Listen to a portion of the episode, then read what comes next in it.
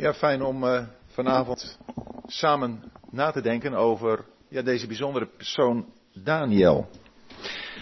En ik stel voor dat we eerst Daniel hoofdstuk 1 met elkaar lezen. Daniel hoofdstuk 1. In het derde jaar van de regering van Joachim, de koning van Juda, kwam Nebukadnezar, de koning van Babel, naar Jeruzalem en belegerde het. En de Heere gaf Joachim, de koning van Juda, in zijn hand. En een deel van de voorwerpen van het huis van God. Hij bracht die naar het land Sinear, naar het huis van zijn God. Hij bracht de voorwerpen naar de schatkamer van zijn God.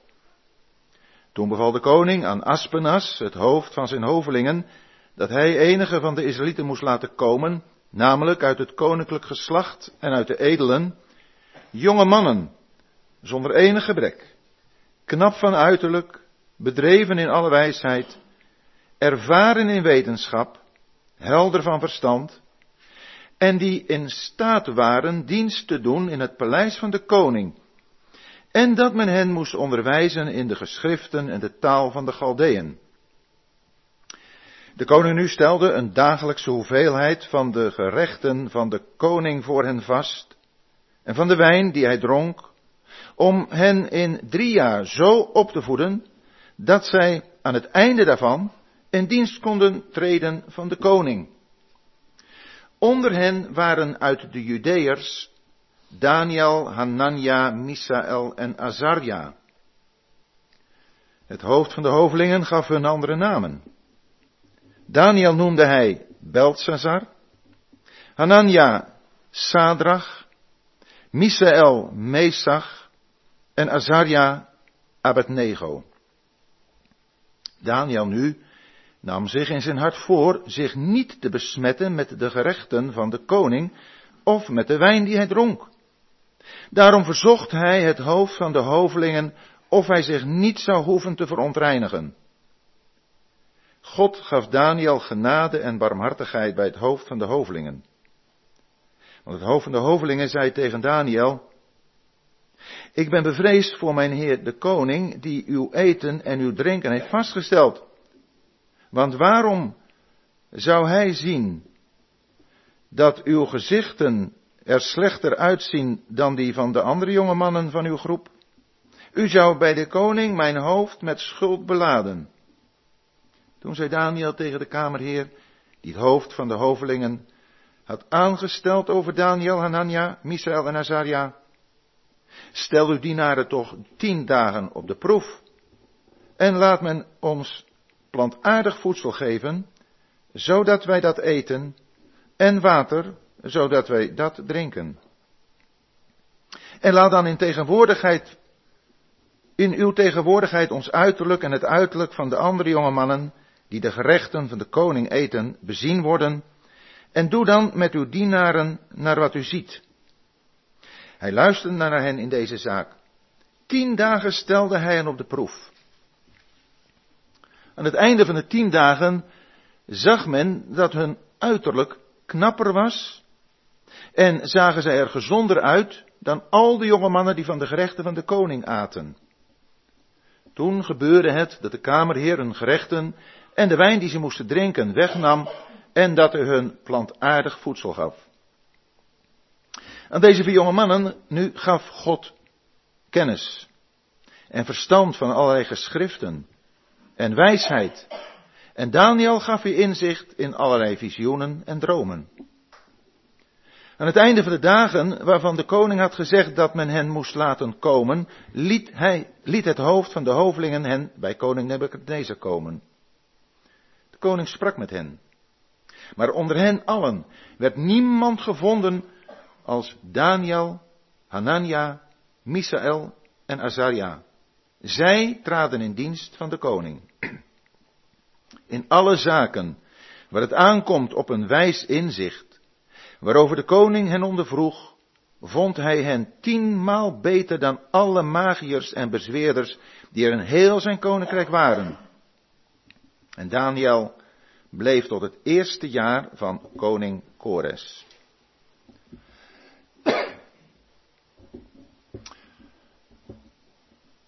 Het boek Daniel heeft twaalf hoofdstukken. Het is onmogelijk om natuurlijk dit hele boek met elkaar door te nemen. Dat zou slechts globaal kunnen. Maar ik heb gedacht, ik denk dat het goed is om, wat ook de uh, opzet van deze avonden is, te kijken naar de persoon van Daniel. Omdat, naarmate ik me daar een beetje mee bezig hield, ik steeds duidelijker onder indruk kom van dit feit. Wij kunnen de hoofdstukken 2 tot en met 12 pas begrijpen als we hebben gezien wat voor een persoon Daniel is. Wat zijn de kenmerken van deze jonge man? Hoe staat hij in het leven? Hoe staat hij tegenover God?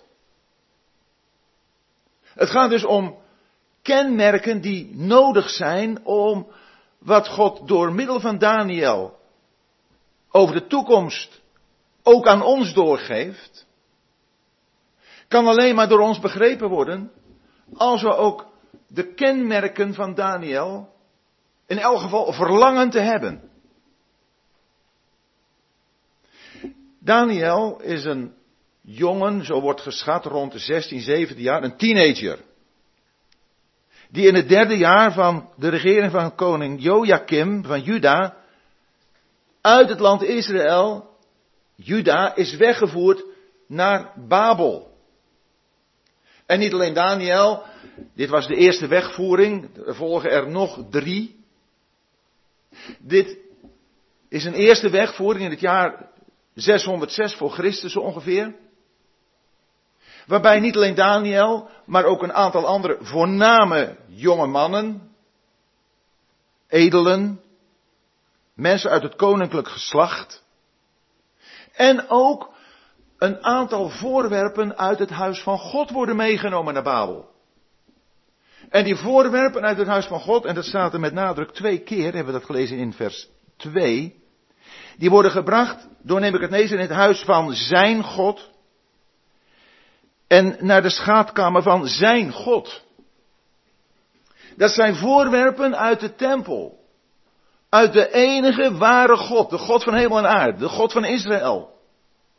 Die door deze Nebukadnezar worden meegenomen en geplaatst worden in het huis van zijn God. Babel betekent verwarring. De oorsprong van Babel ligt in Genesis 11. Daar wordt die toren gebouwd. Door mensen die een toren willen bouwen die tot in de hemel reikt. En toen heeft God dit streven gezien en gezegd, dit moet ophouden. En toen heeft hij de spraakverwarring veroorzaakt. En ik denk dat Babel een treffend beeld is van de christenheid waarin wij leven. De christenheid is vol verwarring. En hoeveel dingen van God uit zijn gemeente, zijn huis, de gemeente nu, zijn in de christenheid op allerlei manieren gebracht op een plaats waar mensen het voor het zeggen hebben. We zullen daar nog wel verder op terugkomen. Maar dat is de situatie waarin we leven. Dat is een situatie waarin Daniel heeft geleefd destijds met zijn drie vrienden, waar de Heilige Geest in dit Bijbelboek eigenlijk de, uh, het, het licht opwerpt. Om ons te laten zien, hoe kun je nu in een tijd van verwarring, waarin de dingen, de heilige dingen van God worden genomen en worden vertrapt uiteindelijk, hoe kun je daar staande blijven? Te meer als je ziet wat er met Daniel en zijn vrienden gaat gebeuren. Namelijk dat Nebukadnezar, de grote man in dat rijk van Babel, deze jonge mensen als veelbelovende jonge mensen ziet en hen wil vormen, zodat zij in zijn dienst te meerdere eer en glorie van zijn koninkrijk zullen functioneren.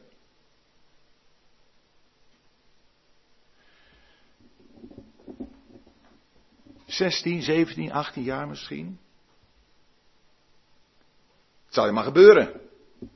Maar het gebeurt toch ook vandaag de dag dat er jonge mensen zijn die uit huis weggaan, die ergens anders naartoe gaan, gaan studeren bijvoorbeeld. En dan wordt gezien wat hun opvoeding met hen heeft gedaan. Want ze worden allemaal, ook jonge mensen uit christelijke gezinnen, worden op de proef gesteld. Ze worden getest. En uiteindelijk, we moeten het maar naar ons allemaal toebrengen, worden we allemaal dagelijks getest. Hoe reageren wij op dingen die wij vernemen uit de christelijke wereld? Keer op keer komen de zaken in het nieuws dat je je afvraagt, hoe is het mogelijk? Hoe is het mogelijk dat dit gebeurt onder de naam van God? Nebuchadnezzar die heeft een programma voor deze edelen. Ik zou zeggen een drie punten programma. Om hen tot een denken en een optreden te brengen, waarbij ze hun afkomst vergeten en zich helemaal in gaan zetten voor de vorming van het rijk van Nebukadnezar. Het eerste punt is, deze jonge mannen, zegt vers 4 in het midden, moeten worden onderwezen in de geschriften en de taal van de Galdeën. Dat betekent ze krijgen les in de manier van denken van Babel. Taal en geschriften. Eerst geschrift en dan taal.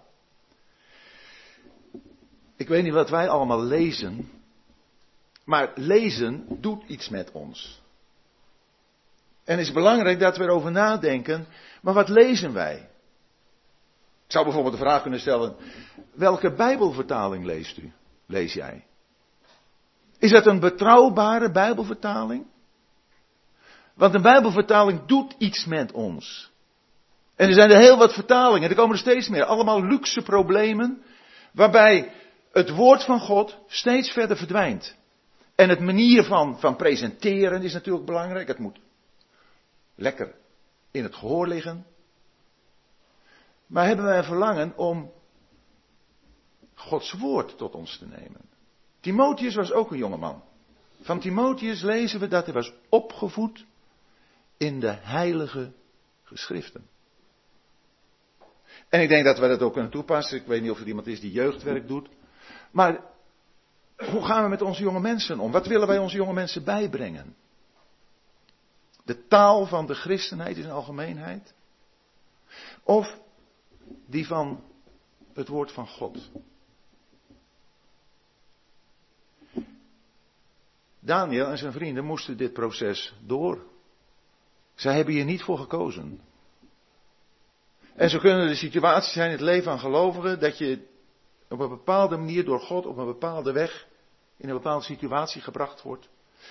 En dan moet je soms dingen tot je nemen. Ik weet nog dat een van onze kinderen, dat is al heel lang geleden, maar die moest ook gaan studeren. En toen moest ze iets lezen, daar was ze misselijk van. Kwam ze bij ons, hebben we erover gepraat. En soms moeten dingen vandaag de dag ook, jonge mensen moeten iets van de evolutietheorie soms leren. Als het duidelijk is dat de Heer het van je vraagt, dan mag je rekenen op zijn bewaring. Dat je niet meegezogen wordt in een wijze van denken die in de wereld en ook in de christenheid normaal geworden is. Daniel en zijn vrienden hadden van huis uit meegekregen hoe God over de dingen dacht. Niet alleen meegekregen, het is duidelijk dat ze dat in hun hart hadden opgenomen. We hebben niet met mensen te maken die een vormendienst aanhangen. Er is één ding belangrijk. En dat is dat, zoals we hier zitten, allemaal een persoonlijke keus voor de Heer Jezus gemaakt hebben. Allemaal onze zonden hebben beleden. En we weten, de Heilige Geest woont in ons. En door de Heilige Geest kunnen we het woord van God begrijpen. En dat betekent niet dat je direct alles in één keer begrijpt. Maar Johannes spreekt toch erover in zijn brief. U hebt de zalving van de heilige en u weet alle dingen. Dat betekent dat je aanvoelt dat dingen zoals ze in de christenheid misschien geleerd worden, niet in overeenstemming zijn met de Bijbel. Om het voorbeeld van de theïstische evolutietheorie te noemen. Waarbij mensen zeggen, christenen zeggen, ja luister, de wetenschap heeft zo duidelijk aangetoond dat het kan gewoon niet in zes dagen van 24 uur gebeurd zijn. Dat is een hele periode voor nodig geweest. En dan zullen we moeten zeggen, maar dat zegt de Bijbel niet. De Bijbel is eenvoudig en helder. En dan zeggen we dat verwerpen we. Soms moet je er even kennis van nemen, zoals gezegd, misschien met je studie, ik weet het niet, maar innerlijk zul je daar grote afstand van nemen. Wat knappe koppen in deze wereld, in de christelijke wereld ook zeggen. Hoe ze het ook met heel veel overtuigingskracht naar mensen toe brengen. Het woord van God. Daar gaat het om. Geloven we dat nog? Van Genesis 1 tot Openbaring 22. En dat we in alle eenvoud aanvaarden wat Gods woord zegt. Daniel die moest kennis nemen van die geschriften en ook van de taal. De manier van overdracht. Hoe, hoe breng je dat wat je geleerd hebt over? Ja, en dat is ook in de, de, politiek, dat is ook in de christenheid natuurlijk een belangrijk punt. Hoe kom je over? Je moet heel aangenaam de dingen brengen, soepel. Het moet ook af en toe, ja, je moet af en toe kunnen lachen, nietwaar? En ik heb helemaal niet tegen humor hoor. Maar als het gaat om de serieuze dingen, dan kun je niet een lichtvoetig evangelie brengen.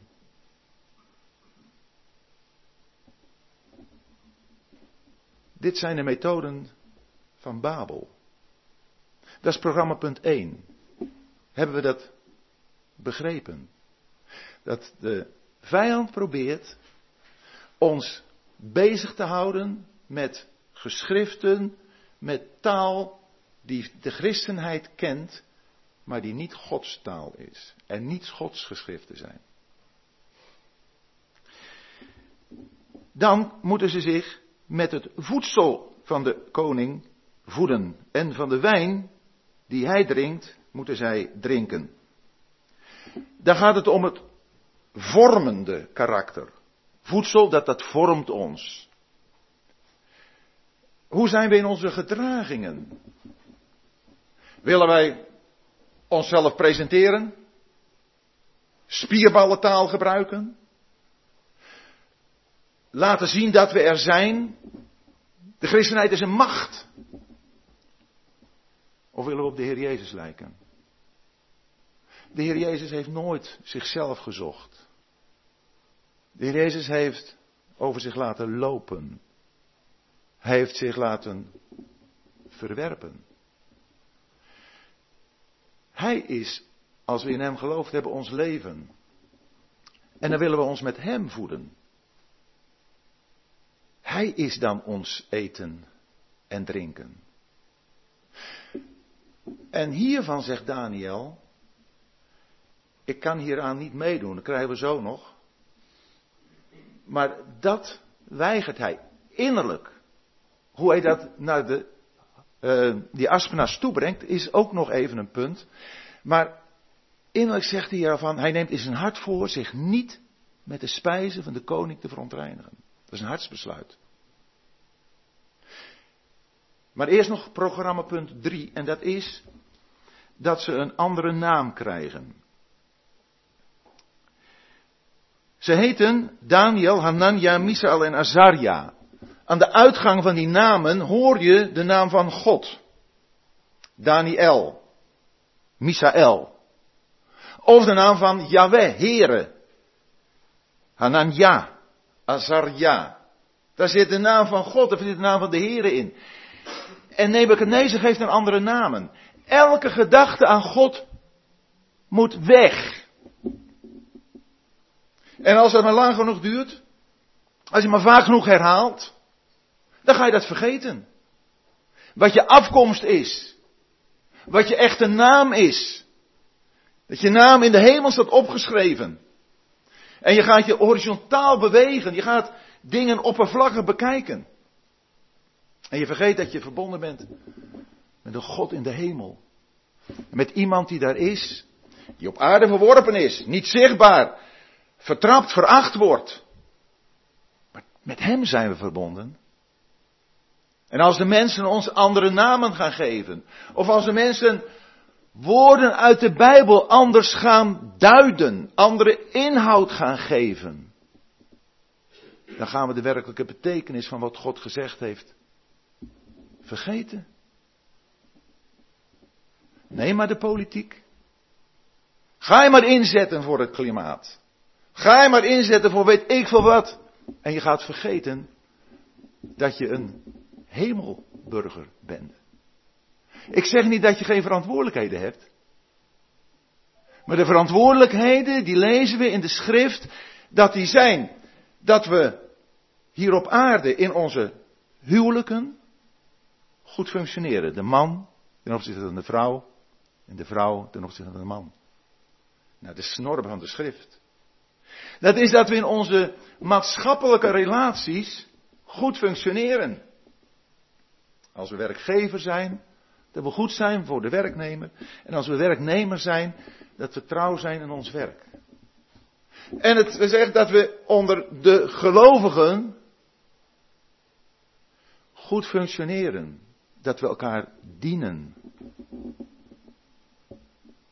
Daar gaat het om. De kenmerken van Christus in ons leven. En dat verdwijnt. We vergeten dat wij verbonden zijn met Christus in de hemel. Onze burgerschap is in de hemel, zegt Filippiërs 3. En we gaan ons totaal horizontaal richten. De Heer Jezus is hier niet gekomen om het klimaat te verbeteren. Nogmaals, ik zeg niet dat we het erger moeten maken. Maar het gaat om onze visie. Ik zeg het nu een beetje alledaags. Maar het gaat om waar zijn wij op gericht? En de duivel probeert van alles om mensen te vangen dat ze maar niet aan Christus meer denken. En als het gaat om problemen in de wereld, of het nu klimaat is, of dat het de onderlinge verhoudingen is, de, de, de echtscheidingen, de, de kerkscheuringen, het is allemaal ellende. En we moeten ons buigen voor de Heer. Dat we allemaal onze bijdrage daarin hebben. En dan komt het erop aan dat we kunnen laten zien wie de Heer Jezus wil zijn in een gebroken schepping, in gebroken relaties. Want als we dat vergeten, dan kunnen wij ook de volgende hoofdstukken van Dalen niet begrijpen. Waar het uiteindelijk naartoe gaat. En denken wij dat wij met elkaar nog iets leefbaars van deze aarde kunnen maken. En dat is een utopie. Het is onmogelijk het oordeelstapelpunt los te breken. De zondvloed die er eertijds was. In de dagen van Noach. Nee, er komt geen water meer over de aarde. Maar het vuur van God komt. En laten we daar de mensen voor waarschuwen. Dat kun je doorgeven aan het nageslacht. Die goede aarde komt er. Maar alleen naar de oordelen die de Heer Jezus over deze aarde brengt. En nu, nu gaat het erom dat wij mensen in verbinding met de Heer Jezus brengen. Laten we het nooit vergeten. Wat onze roeping is. De duivel is erop uit om als een soort infuus in ons in te druppelen. En het komt op de media, komt het naar ons toe. En we nemen er allemaal kennis van. En hoeveel tijd vergooien we er niet eraan. En elke dag komt er weer net wat andere bewoordingen. En we nemen het op. En het misvormt ons. En we vergeten onze echte roeping.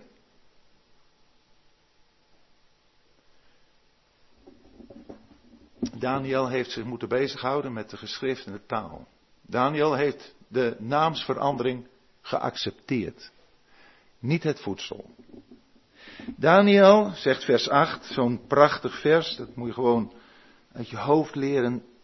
Daniel nu nam zich in zijn hart voor zich niet te besmetten met de gerechten van de koning of met de wijn die hij dronk. Hij nam het zich in zijn hart voor. Willen u en ik, wil jij en ik. Ons bewust blijven van onze roeping. En niet mee gaan drijven op de algemene ontwikkeling in de wereld, in de christelijke wereld. Dan komt het aan op een hartsbesluit. Nemen wij ons, neem ik mij in mijn hart voor, me niet te willen verontreinigen met alles wat de christenheid te bieden heeft? Om de christenheid tot een groot en machtig bolwerk te maken? Daar gaat het om. Spreuken staat het. Mijn zoon, het hart van jou, daaruit zijn de uitgangen van het leven. Bewaar het daarom. Behoed je hart. Want daaruit zijn de uitgangen van het leven. Wat bedenk ik met mijn hart? En nogmaals, dat hoef je allemaal niet naar elkaar. Dat, dat wordt wel duidelijk. Daar hoef je niet de grote uh, beloftes voor af te, af te kondigen. Komt je hart aan. En Daniel, die, die zei tegen zichzelf en ook zijn vrienden: Hier doen we niet aan mee. Hier doen we niet aan mee. Durven wij nog nee te zeggen? En dan gaat het er helemaal niet om dat we dan de barricades opgaan, dat we even gaan protesteren. Daniel doet het helemaal niet. Daniel, die verzocht het hoofd van de hovelingen of hij zich niet zou hoeven te verontreinigen. Een verzoek. Helemaal geen brutaliteit. Een verzoek. En dan lezen we, God gaf Daniel genade en barmhartigheid. God gaf dat. Het is voor ons, ook voor mij, het is zo moeilijk om ons niet te laten gelden op de een of andere manier.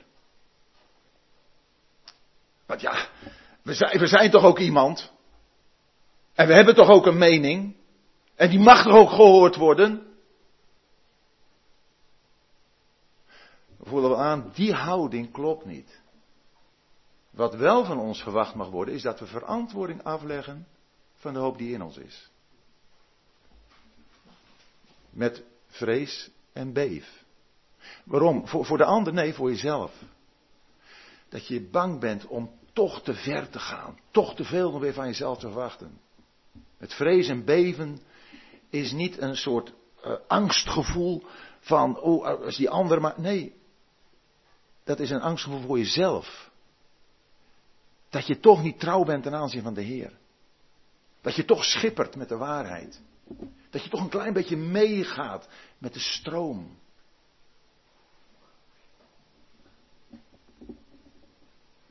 Daniel, hij is zo rustig.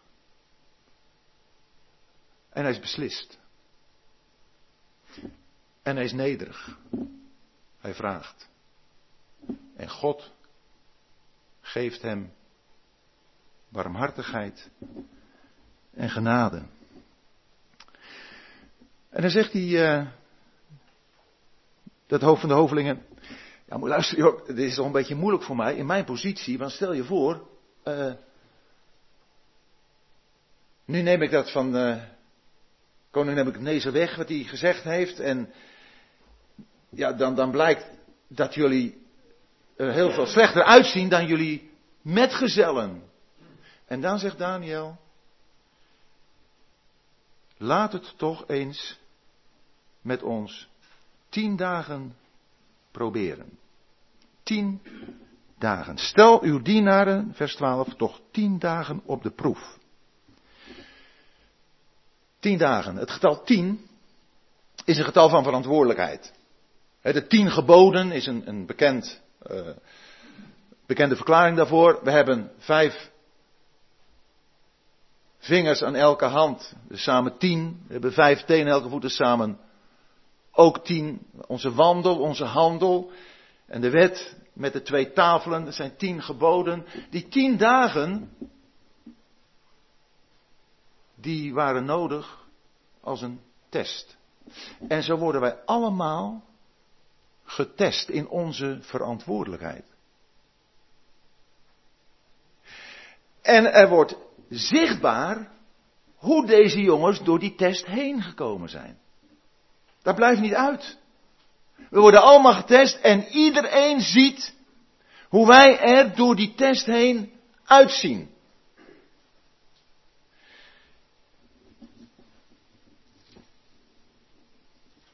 Daniel krijgt met zijn vrienden de mogelijkheid. Dat voedsel van koning Nebuchadnezzar en de wijn wordt weggenomen. En ze krijgen dat voedsel wat zij als Joden mogen eten.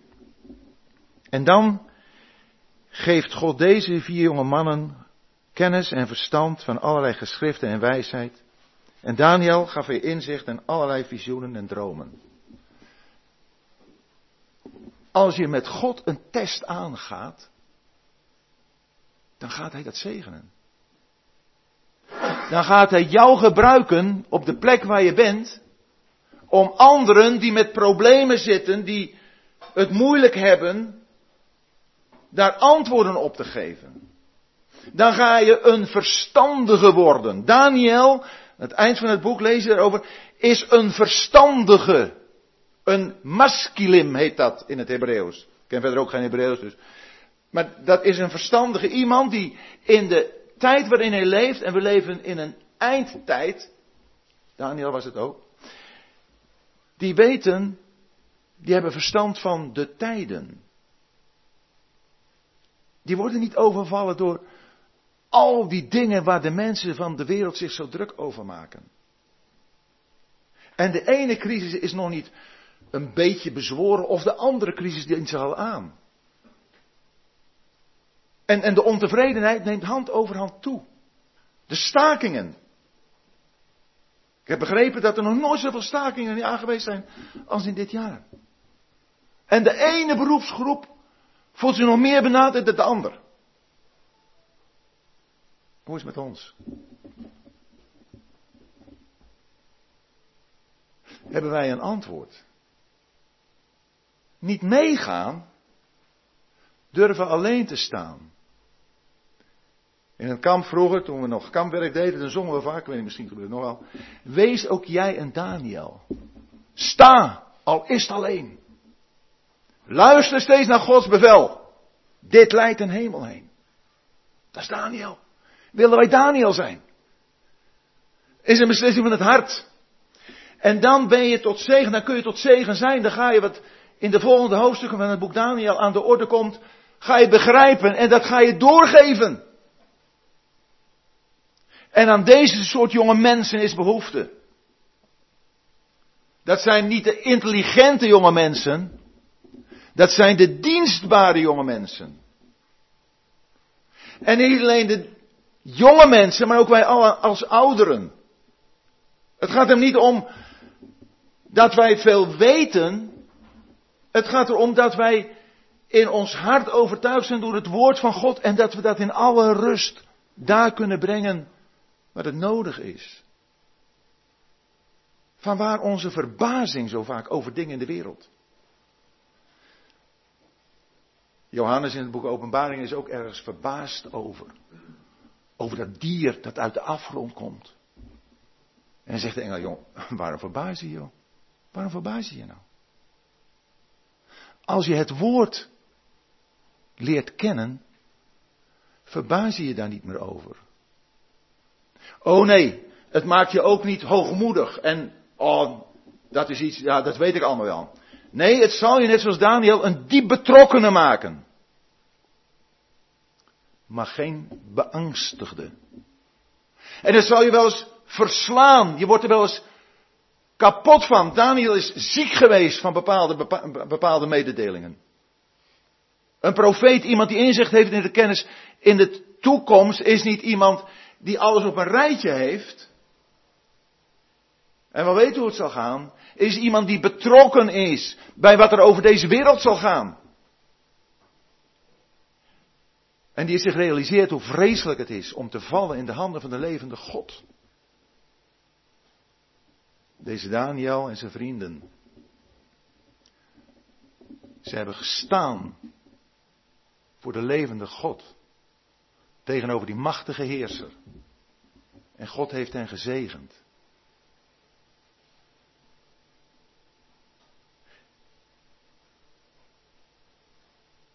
En Daniel is gebleven tot het eerste jaar van koning Kores. Zo'n merkwaardig slot hè, van hoofdstuk 1. We gaan in het ene vers ineens 70 jaar verder. Dan is Daniel geen 17 of 18 meer, maar is hij bijna 90. En wat weten we van Daniel als hij 90 is? Dat hij nog precies zo trouw is als hij was toen hij zijn loopbaan in Babel begon.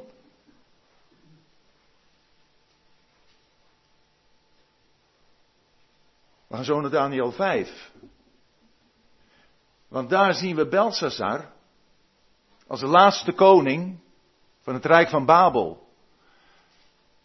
En in de nacht waarin zich die gebeurtenis van Daniel 5 afspeelt, is het voorbij met het Rijk van Babel.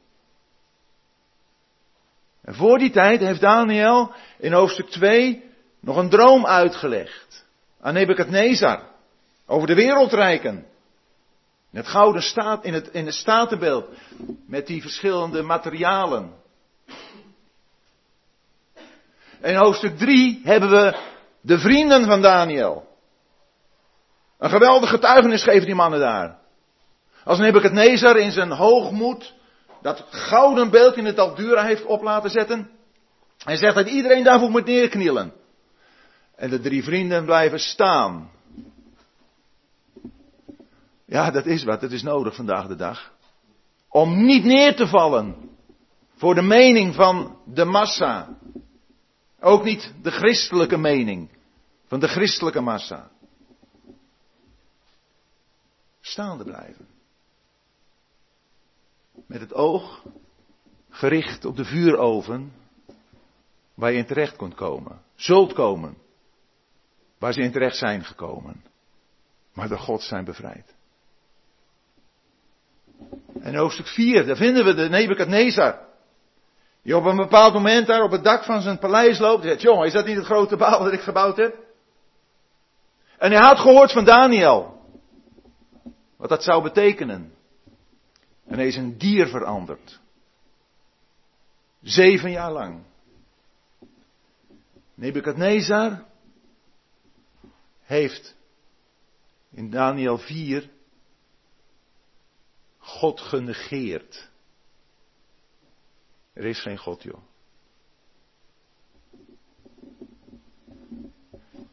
En die hoofdstukken 2, 3, 4, 5 en 6 zien we hoe de mens steeds meer God buitenspel zet. God negeert. En in hoofdstuk 5 God bespot. We kijken even naar Daniel 5. En we lezen een paar versen. We beginnen bij vers 1. Koning Belshazzar richtte een groot feestmaal aan voor zijn duizend machthebbers en in tegenwoordigheid van die duizend dronk hij wijn. Onder invloed van de wijn beval Belshazzar dat men de gouden en zilveren voorwerp moest halen. En hier hebben we de verbinding met hoofdstuk 1. Die zijn vader Nebuchadnezzar had weggehaald uit de tempel in Jeruzalem. Opdat de koning, zijn machthebbers, zijn vrouwen en bijvrouwen eruit zouden drinken. Hier worden de heilige dingen van God genomen en bespot. En gebeurt het niet met het huwelijk? Het heilige, die heilige instelling van God. Door die open te stellen voor mensen van gelijk geslacht. Is er niet een verschrikkelijke bespotting? Wat ik pas las op internet. Weet dat een kerk in Zweden was, ik weet niet meer precies. Hoe het paradijs niet Adam en Eva bevat, maar twee homo's en twee lesbiennes. In een kerk. En het wordt dan aanvaard als ruimdenkend. Als iets wat God bedoeld heeft. Het is een klap in het gezicht van God. De heilige dingen worden bespot. En dan verschijnt daar die vinger. Vers 5. Vingers van een mensenhand. Die kwamen tevoorschijn die op het pleisterwerk aan de wand van het koninklijk paleis schreven. Tegenover de kandelaar betekent voor iedereen zichtbaar. En de koning zag het gedeelte van de hand die schreef. Toen veranderde de gelaatskleur van de koning. Zijn gedachten verschrikten hem. Zijn heupgewrichten verslapten en zijn knieën knikten. Dit is de vinger van God. Een stukje van God. Een heel klein beetje. En de koning. En alles daar. Want wat zal het een feestgewoel geweest zijn, joh. En je ziet de obers heen en weer lopen met allemaal bladen met verdrinken. En de ene mop nog beter dan de andere mop. En een gebrul. En plotseling daar die hand, die vingers. Doodstil zal het geworden zijn.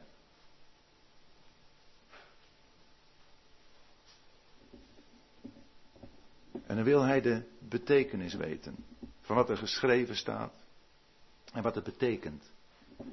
En dan lezen we aan het eind van Daniel 5, vers 23. U hebt zich verheven tegen de Heere van de hemel.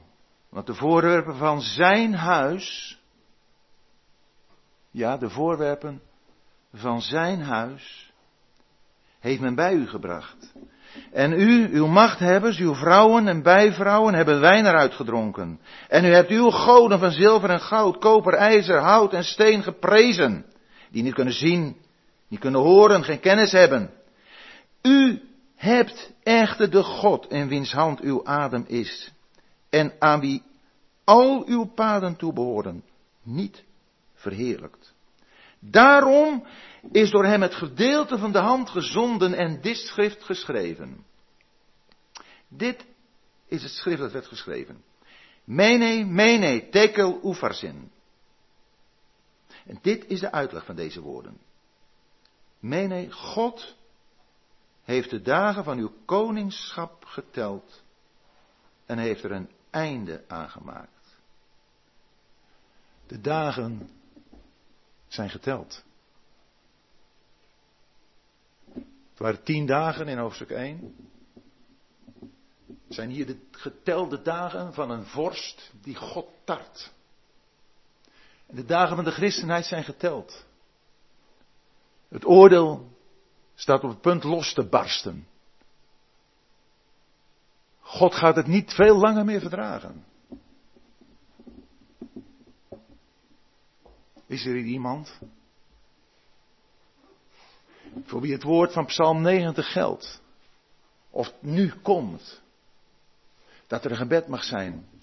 Leer ons zo onze dagen tellen. Dat wij een wijs hart. We zijn mensen van de dag de dagen van de mens. Wij rekenen in jaren, je bent zo oud geworden. God rekent in dagen.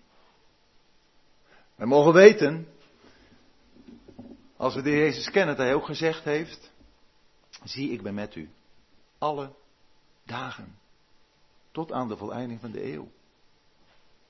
Hier gaat het over een situatie waarin we het einde van Babel zien.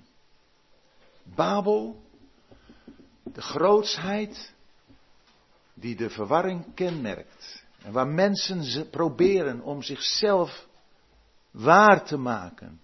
En steeds meer God buitenspel te plaatsen. Aan het eind van het hoofdstuk lezen we. In diezelfde nacht werd Belshazzar, de koning van de Galdeën, gedood. God wordt bespot. En het kan nog één stap erger, en dat is hoofdstuk 6. Daar wordt God vervangen. Daar wordt hij niet alleen genegeerd, daar wordt hij vervangen. Dit is de geschiedenis van Darius. Dan zijn we na het Babylonische Rijk aangekomen in het Rijk van de Meden en Persen, dat Tweede Wereldrijk. En we lezen in vers 2 dat Darius over het koninkrijk 120 stadhouders aan wil stellen, die over heel het koninkrijk verdeeld zouden zijn. Nou, dan krijgen we de geschiedenis dat die mensen die horen dat Darius in de zin heeft om Daniel een bijzondere positie te geven, omdat er een uitzonderlijke geest in hem was, zegt vers 4, dat zij proberen om, zegt vers 5, tegen Daniel een aanklacht in zaken het koninkrijk in te dienen, maar zij konden geen grond, geen reden voor de aanklacht vinden. Of iets verkeerds, omdat hij betrouwbaar was en er geen nalatigheid of iets verkeerds bij hem te vinden was. Dat is Daniel als hij 90 is. Geen verschil met 17 jaar. Als je jong bent, kun je voor de Heer kiezen. En als je ouder wordt, kun je voor de Heer kiezen. En als je oud bent, kun je voor de Heer kiezen. Met het afnemen van de krachten hoeft het geloofsleven, de overtuiging, het werk voor de Heer niet af te nemen. Nee, Jesaja 40 zegt aan het eind. Wie de Heeren verwachten, daar wordt de kracht van dag tot dag vernieuwd. Al wordt ook de lichamelijke kracht, wordt die verzwakt, maar die innerlijke kracht, die blijft. En dat zie je bij Daniel. Is hij 90 jaar? Is hij nog net zo trouw als toen? En het is voor die mensen om hem heen aanleiding om aanklachten in te dienen. Dat is de tijd waarin we leven. Christenen worden aangeklaagd. Omdat ze trouw willen zijn. Trouw willen vasthouden aan het woord van God. Ze willen volstaan voor het huwelijk. Tussen man en vrouw. En dat God man geschapen heeft en vrouw geschapen heeft. En de gendergekte, dat we daar niet aan meedoen. En ik zet het nu even heel kort door de bocht. Ik wil er ook bij zeggen dat in situaties waarin oefeningen zijn, worstelingen zijn, moeten we helpen, moeten we erbij zijn. Ook met homoseksuele gevoelens. Maar het gaat erom dat we gek worden gemaakt. Alsof iets normaal zou zijn. We mogen het niet meer afkeuren. Ik las onlangs een stukje in het zoeklicht van Frits Boekhout. Dat heette politieke correctheid. En het gaat er dan om dat we als christenen bijna niks meer durven zeggen. Want ja, je moet het toch wel zo'n beetje inkleden dat, dat ze net niet iets kunnen doen. Geen, niet de vinger op iets zouden kunnen leggen. Nou, dat moet ook kunnen gebeuren. Dat ze geen vinger op ons kunnen leggen. Bij Daniel konden ze niets vinden. Behalve in zijn dienst aan God. Is dat ook het enige wat ze bij ons zouden kunnen vinden? Onze trouw aan de dienst van God? Dat we de positie van de man en de positie van de vrouw in de wereld en in de gemeente vasthouden?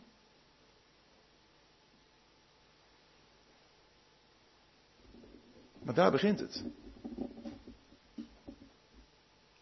Genesis 1 wordt niet alleen wat de schepping betreft helemaal omgebogen in de betekenis, maar ook wat het huwelijk betreft. De positie, de rol van man en vrouw betreft. Het wordt verward.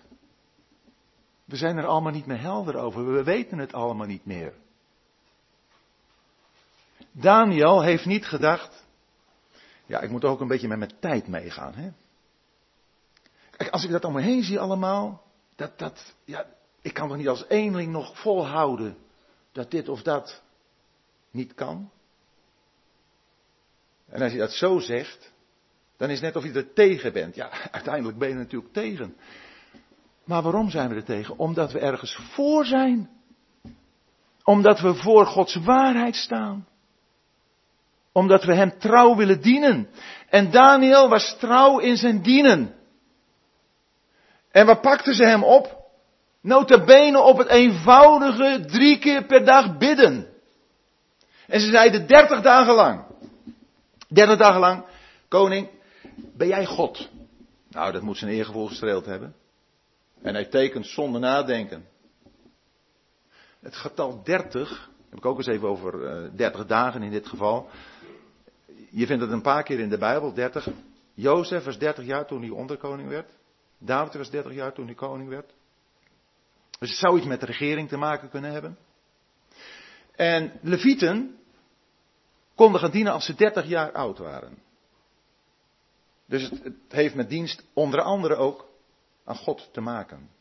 Gods heerschappij en het dienen van God. Laat ik het zo even bij elkaar brengen als het gaat om het getal 30. Misschien zijn er nog meer. Maar dat is wat ik dan gedacht heb. Ja, daar vind ik wat aanleiding in om dat ermee te verbinden. Die 30 dagen, waarom staan die er anders? Is een maand, een volle maand. En Daniel gaat gewoon door met wat hij gewoon was te doen. Vers 11. Toen Daniel te weten kwam dat de bevelschrift ondertekend was, ging hij zijn huis binnen. Nu had hij in zijn bovenvertrek open vensters in de richting van Jeruzalem. Op drie tijdstippen per dag ging hij op zijn knieën, bad hij en dankte voor het aangezicht van de zijn God precies zoals hij voordien had gedaan. Zo, geen enkele verandering in zijn dienen van God. En niet, niet, de, niet de ramen dicht doen. Of niet denken van, weet je wat, ik ga lopen. Ik ga lopen en bidden. Dat, valt ook niet zo op.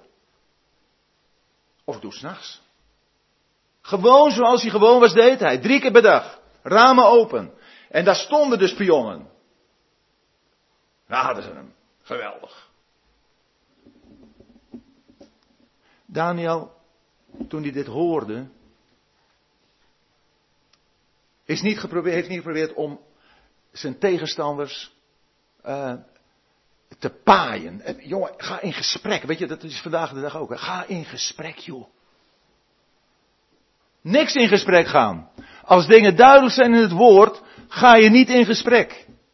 Dan zeg je, dit zegt het woord. Hij probeerde ook niet een lobby op gang te zetten, om de koning nog van op andere gedachten te brengen. Hij heeft gebeden, zoals gewoonlijk.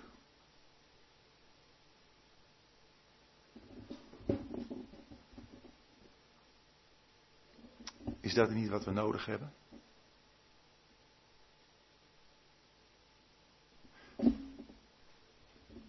Een realiteitszin met het oog op de situatie waarin we leven. Het besef dat wij het tij niet kunnen keren. Maar dat hoeft ook niet. Maar dat we niet buigen voor de geest van de tijd waarin de mens op de troon zit. Waarin de mens bepaalt wat gebeurt, omdat de mens zichzelf God waant. En dan zie je in Daniel 90 jaar ongebroken in alle rust gewoon doen wat hij altijd gedaan heeft. Het is niet erg om eens ergens in te veranderen. Maar er zijn dingen die moet je niet veranderen. En het zijn die dingen die te maken hebben met je relatie met God. Als dat onder druk gezet wordt, laten we dan pal staan. Wees ook jij en Daniel. Sta al eens alleen. Luister steeds naar God bevel. Dit leidt ten hemel heen. En dat geeft een getuigenis. Ik hoop zo voor mezelf.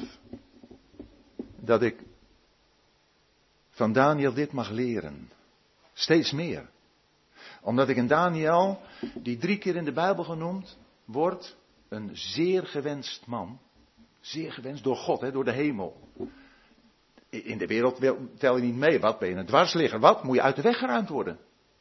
De mond gesnoerd en het liefst gewoon opgeruimd. Maar voor God leven wij voor God. Voor Gods aangezicht.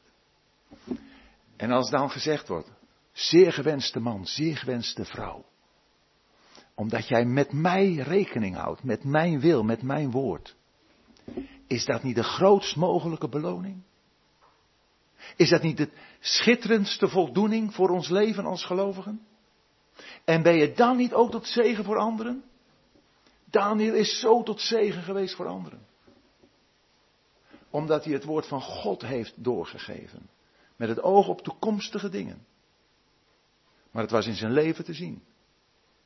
Het was me niet hoofdkennis. Het was een hartezaak. En ik hoop zo dat ik, dat wij van Daniel mogen leren. Dat waar we trouw zijn aan God. We een vreugde zijn voor zijn hart. En ook een getuigenis voor onze omgeving. Tot slot nog een enkel woord waar Daniel nog een keer voorkomt uit Ezekiel 14.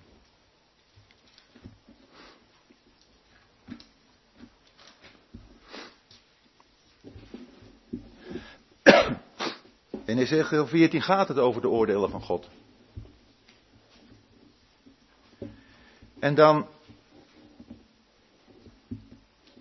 worden er een paar mannen aangehaald, waaronder ook Daniel. En dan lees ik vanaf vers 12. Het woord van de Heer kwam tot mij, mensenkind, wanneer een land tegen mij zonder door trouwbreuk te plegen, dan zal ik mijn hand er tegen uitstrekken. Het er aan brood laten ontbreken en hongersnood erin zenden, zodat ik daar mens en dier uitroei.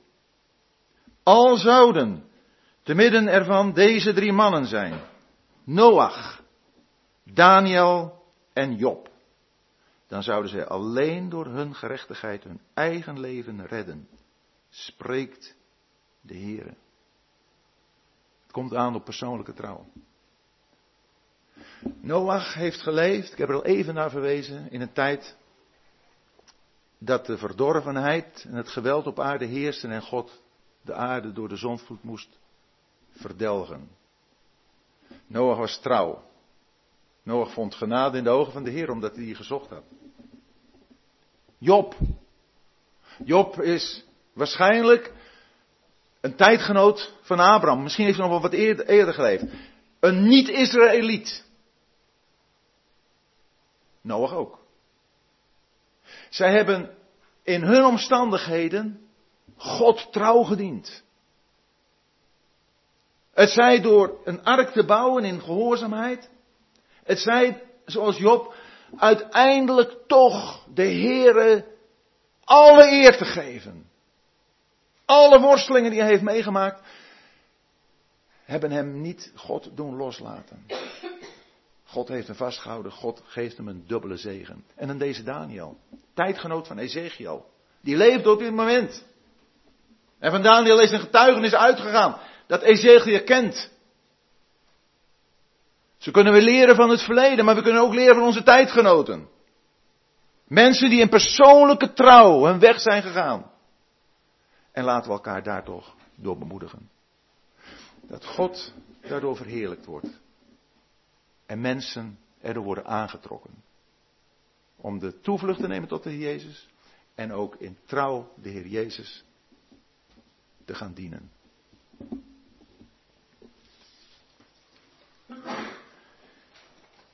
Dit was wat ik over de persoon Daniel wilde doorgeven. En dat is allemaal heel sumier. En daarom, ik heb eh, een paar van deze briefjes, hier liggen er daar wat. En daarin zeg ik, voor de verdere bestudering van het boek Daniel verwijs ik graag naar de Bijbelstudiewebsite kingcomments.com. Dit is hem. En als je even naar Daniel scrolt.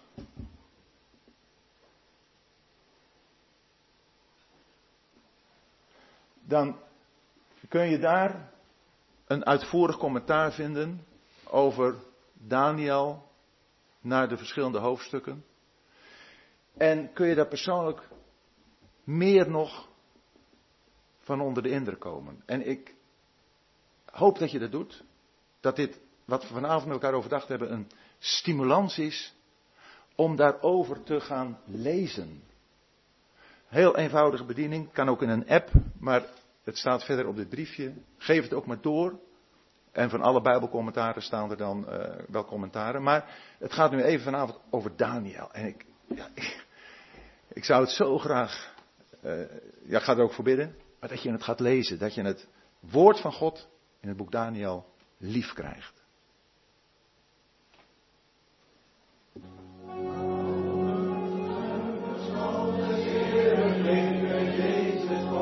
come, all desire.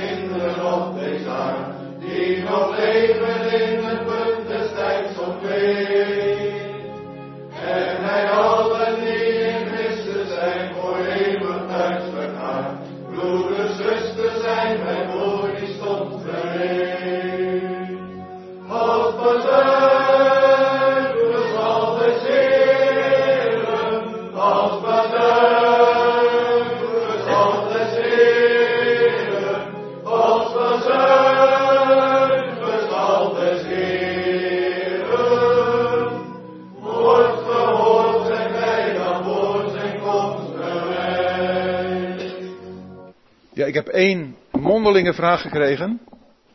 En die heeft mij ook een beetje geholpen. Ik vind het wel fijn om van vragen zelf ook wat te leren.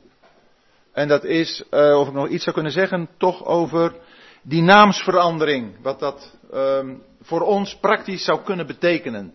En al pratende kwamen we, de vraagsteller en ik, tot de gedachte, ja, en daar was hij het ook mee eens, dus dat bemoedigt mij ook weer. Dat we dat zo zouden kunnen toepassen, dat is een toepassing dat de naamsverandering bij ons hierin kan liggen. We noemen ons christen. En willen ook Christus in ons laten zien. Maar de mensen willen dat niet waar hebben. En ze noemen ons huigelaars. Dat kan, toch? Dat wij wel ergens voor staan, zoals ook Daniel en zijn vrienden ervoor stonden, maar toch andere namen kregen. Uiteindelijk, en zo kom je dan van de een op de andere gedachte. Uiteindelijk zie je natuurlijk aan het eind van Daniels leven, zoals we het in uh, Daniel 6 hebben gelezen, dat ze toch iets wilden gaan zoeken op het gebied van zijn dienen van God. En ik denk dat wij daarop afgerekend worden. Onze trouw aan God. Dat ze ons klassificeren als mensen die onverbeterlijk zijn.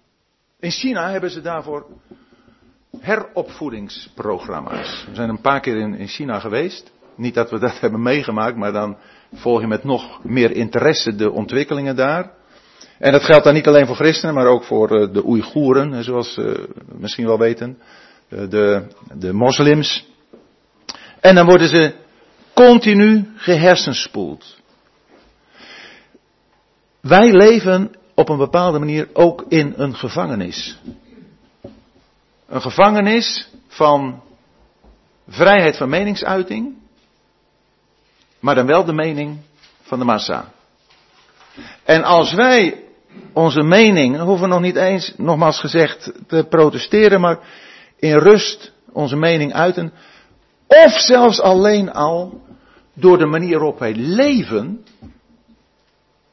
laten zien dat we leven voor God. Uh, een van onze schoonzoons, die heeft een, een, eh, een baan op, in het onderwijs. En die werd gewoon van verondersteld. Hè, die is getrouwd met onze dochter, anders ben je geen schoonzoon. Maar dat het onmogelijk was om je vrouw trouw te blijven. Als je dat zou beweren, word je al verdacht. Want dat kan niet. Dat is de wereld waarin we leven. Er wordt van trouw niet meer verondersteld dat het trouw is. Dit is nou een voorbeeld van, je zegt christen te zijn, je zegt trouw te zijn, en je wordt gewoon niet geloofd. Dat is dan maar een klein voorbeeld, dat heeft ook nog niet zoveel effect, maar dat doet je toch wel wat als ze dat tegen je zeggen. Dat ze veronderstellen dat je gewoon de waarheid niet spreekt. Als je vijftig jaar getrouwd bent en je bent nooit een keer ontrouw geweest. Dat is zeldzaam in de wereld. En het wordt ook in de christelijke wereld steeds zeldzamer. Trouw. Trouw aan God, trouw aan zijn woord, trouw in alle opzichten waarin God relaties beschrijft. En dat hebben we nodig. Wij allemaal. En als er een keer ontrouw geweest is, is er gelukkig altijd de weg van berouw. Van beleidenis en herstel. Gelukkig wel. Daar gaat het niet om. Maar het gaat erom dat we dan trouw zijn, trouw blijven. Zoals Daniel dat ook gebleven is tot op hoge leeftijd. Dus dat heeft te maken met ons christen zijn, met onze eventuele naamsverandering van mensen die ons anders benoemen dan we zijn. En ja, er is een, een onrein dier hè, in, de, in de Bijbel. Er zijn meerdere onreine dieren, maar een van die onreine dieren is een chameleon.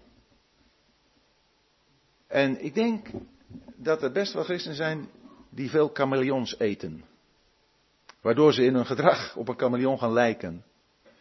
Dat ze zich in dit gezelschap zo kunnen uiten.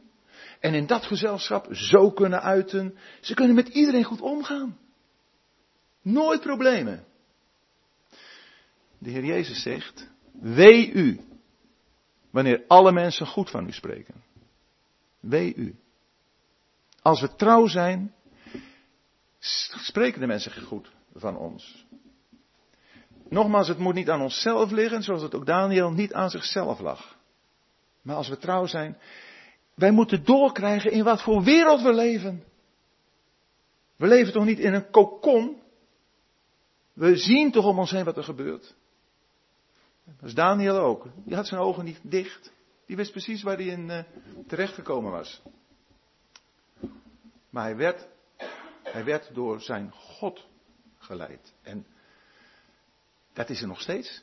De God van Daniel is ook jouw en mijn God. Dat wil hij zijn. Wat een geweldige God.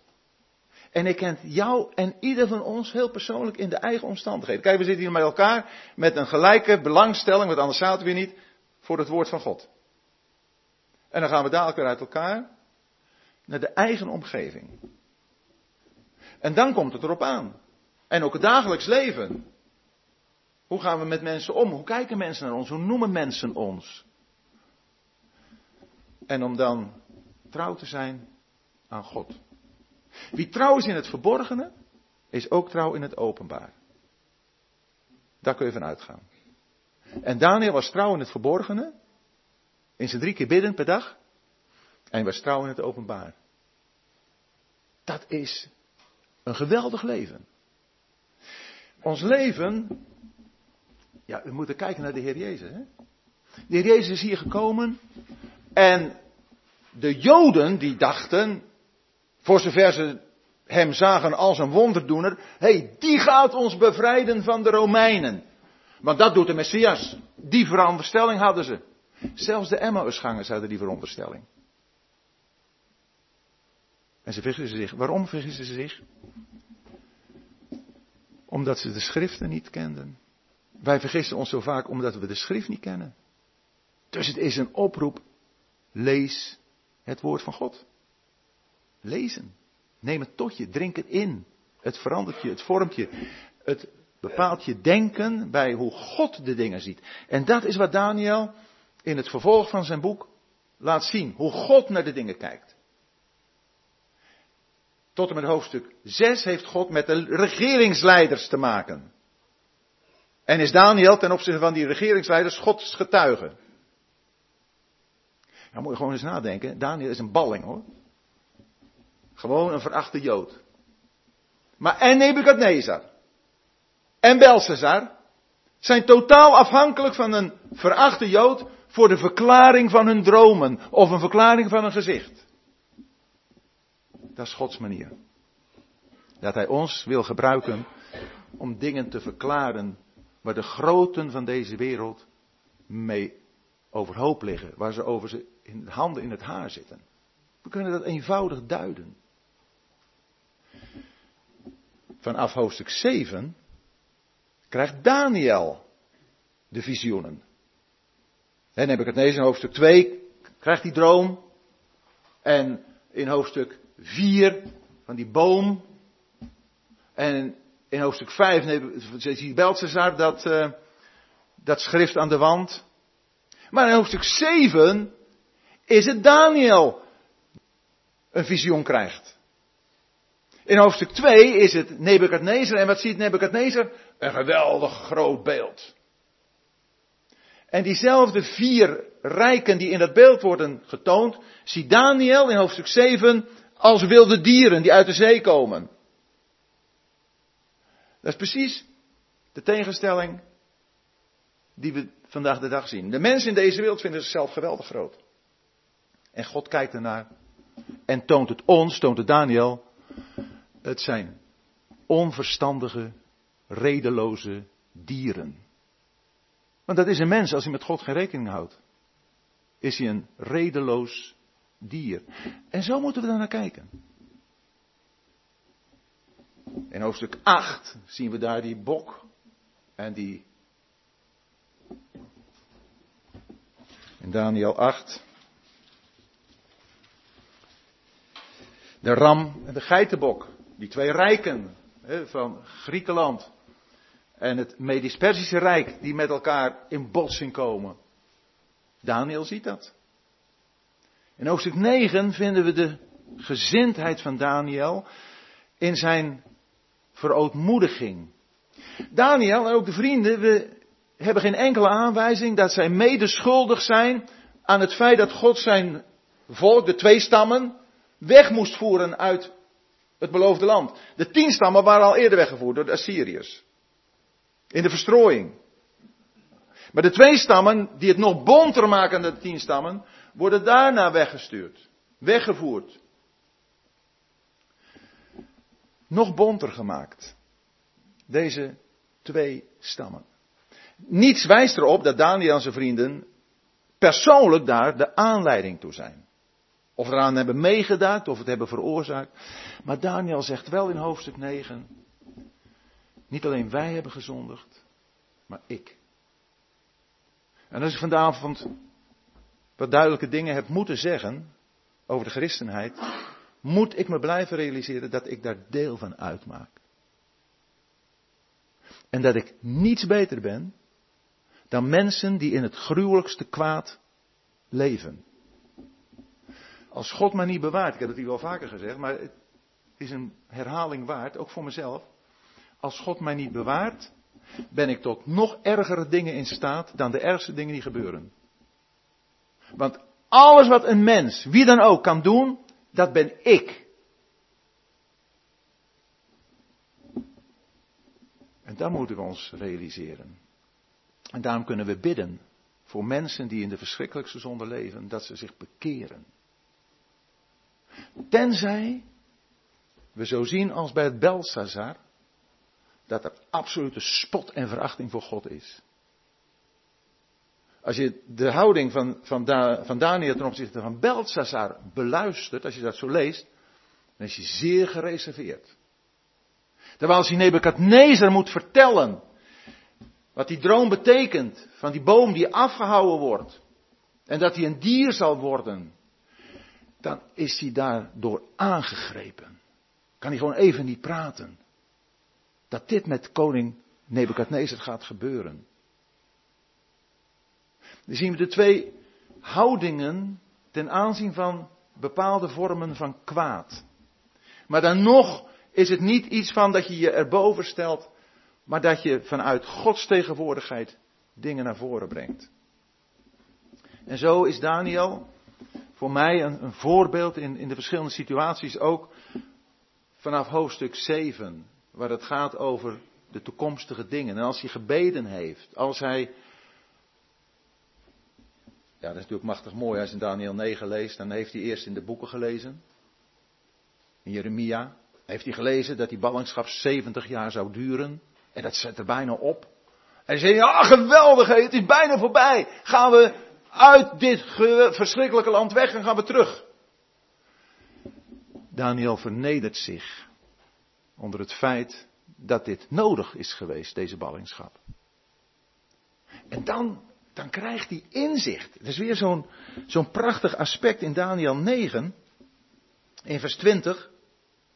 Terwijl ik nog sprak en bad en beleidenis deed van mijn zonde en van de zonde van mijn volk. Daar heb je het. Mijn zonde en de zonde van mijn volk.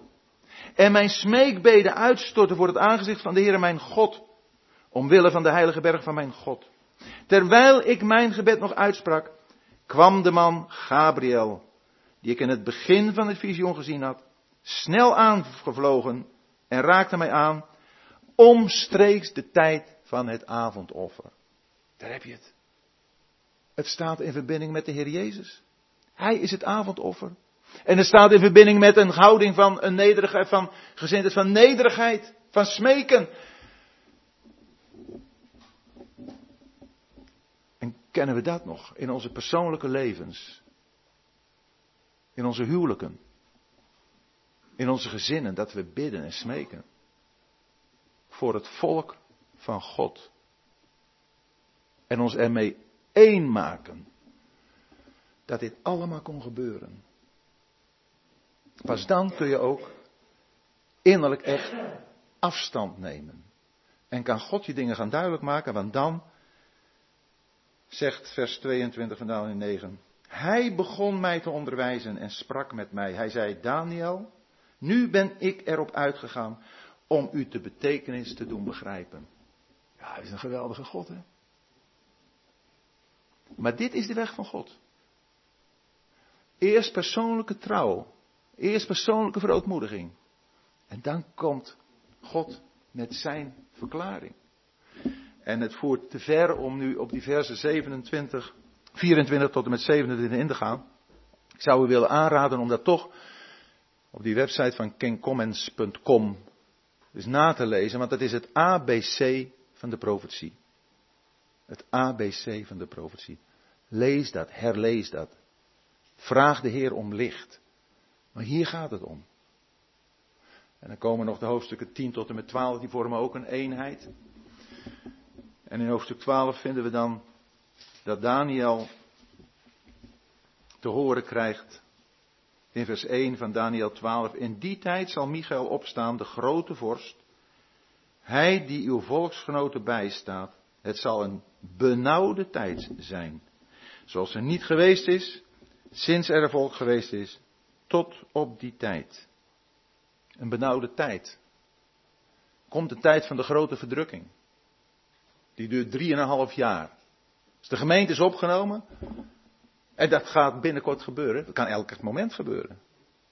En ik zeg het nog een keer. Ik hoop dat er dan niemand hier nog blijft zitten als de Heer Jezus komt. Kun je allemaal zeggen, ik ga mee?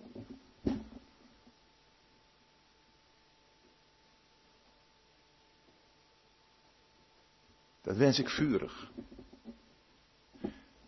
En dan gaat God met Israël de draad weer opnemen. En dan komt wat Daniel dus noemt in Daniel 9. De zeventigste jaarweek, oftewel een periode van zeven jaar. Waarbij op het helft van die periode na 1260 dagen komt een tweede periode van 3,5 jaar. En die 3,5 jaar zullen de verschrikkelijkste dagen zijn zoals de wereld niet gekend heeft voor die tijd. Van enorme plagen van God. Van enorme verschrikkelijke dingen in de natuur. En ook onder de mensen. Het, is een totale godsverduistering komt er dan.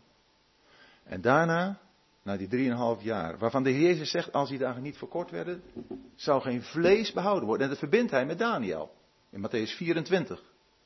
Wie het leest, heb je het weer. Gaan we even lezen trouwens, dat moet even lezen, want dat bevestigt zo de waarde van het woord van God in Matthäus 24.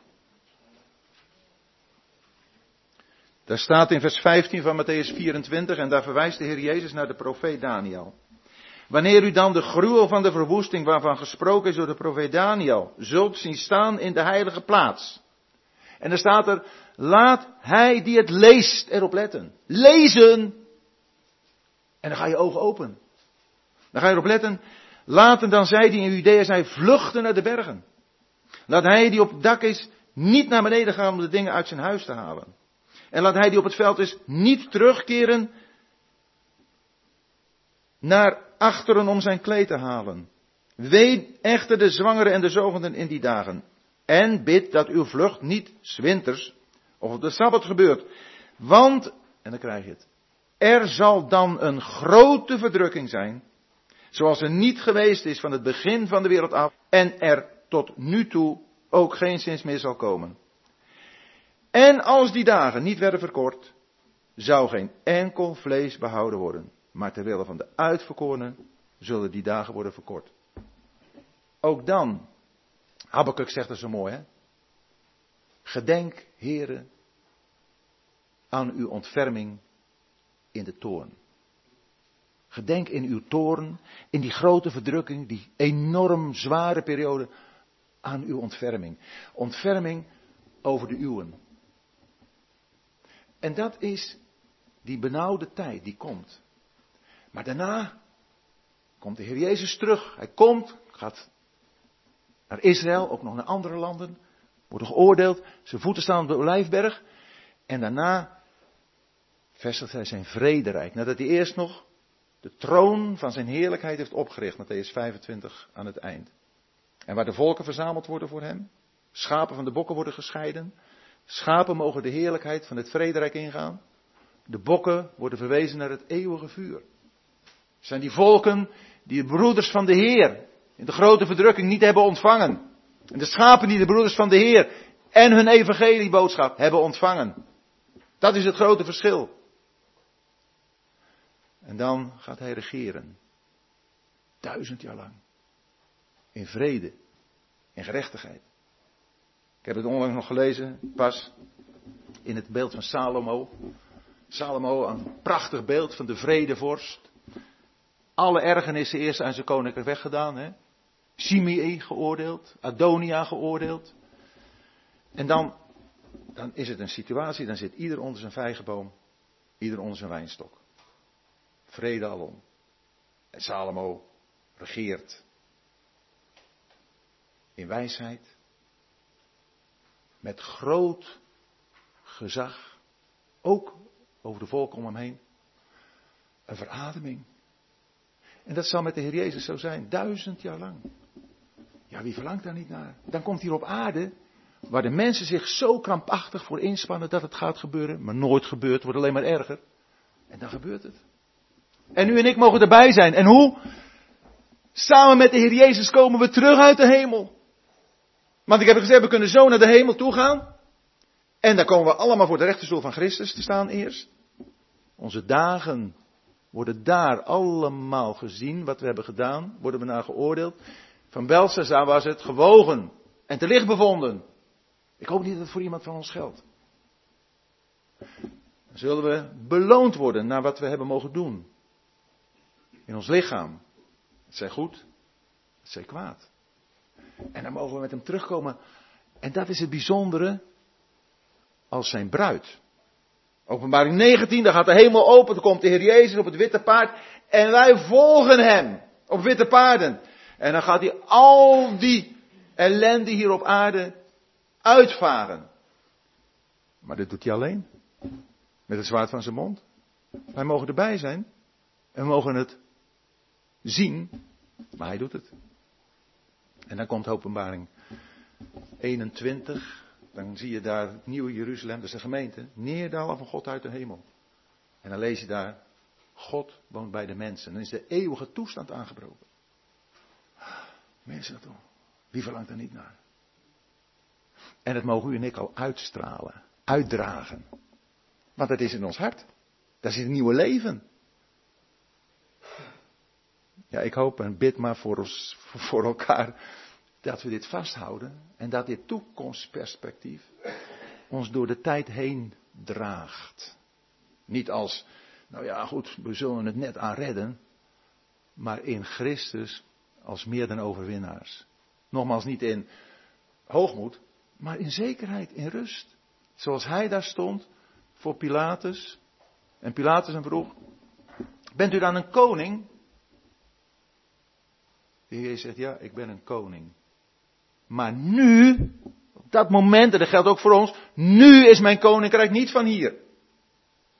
Nu nog niet, maar dan wel. Het is allemaal leven in geloof. Daniel heeft het gedaan. Al die oud-testamentische geloven hebben het gedaan. Lees Hebreeën 11.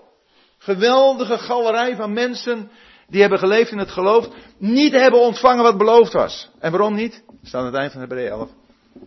Opdat zij niet zonder ons, zonder u en mij, tot volmaaktheid zouden komen. We mogen erbij zijn. Wat een wonder. En we mogen nog hoger dan oud-testamentische gelovigen, eeuwig in het vaderhuis zijn. Ja, dat is onze toekomst. Ja, ja mooi, mooi kan je niet maken, maar het mooi is het ook niet. Het is onmogelijk. En ik hoop dat het ons aanzet, aanspoort om een leven te leven nu. In afhankelijkheid van de Heer. Er is geen heerlijkheid zonder lijden.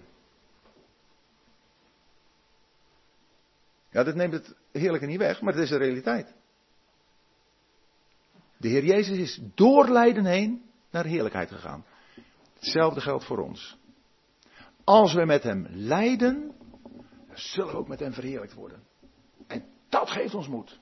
En laten we elkaar daarmee bemoedigen. En ja, met een, een blij hart, dat best nog wel eens bezorgd kan zijn door dingen die, die moeite geven. Want het leven kent zijn moeite. En, en er zijn hier, denk ik, zorgen over kinderen die, die niet met de Heer zijn. Die niet mee zullen gaan. Of familieleden. Paulus zegt, als bedroefd, maar altijd blij. En dat mag de boventoon zijn. Omdat we verbonden zijn met iemand die alles in de hand heeft, alles overziet. En uiteindelijk een ieder zal vergelden naar zijn of haar werken. Hij is de rechtvaardige. En hoe gelukkig als we nu al met hem verbonden zijn. Geef de Heer dat in zijn genade dat we daarvoor leven.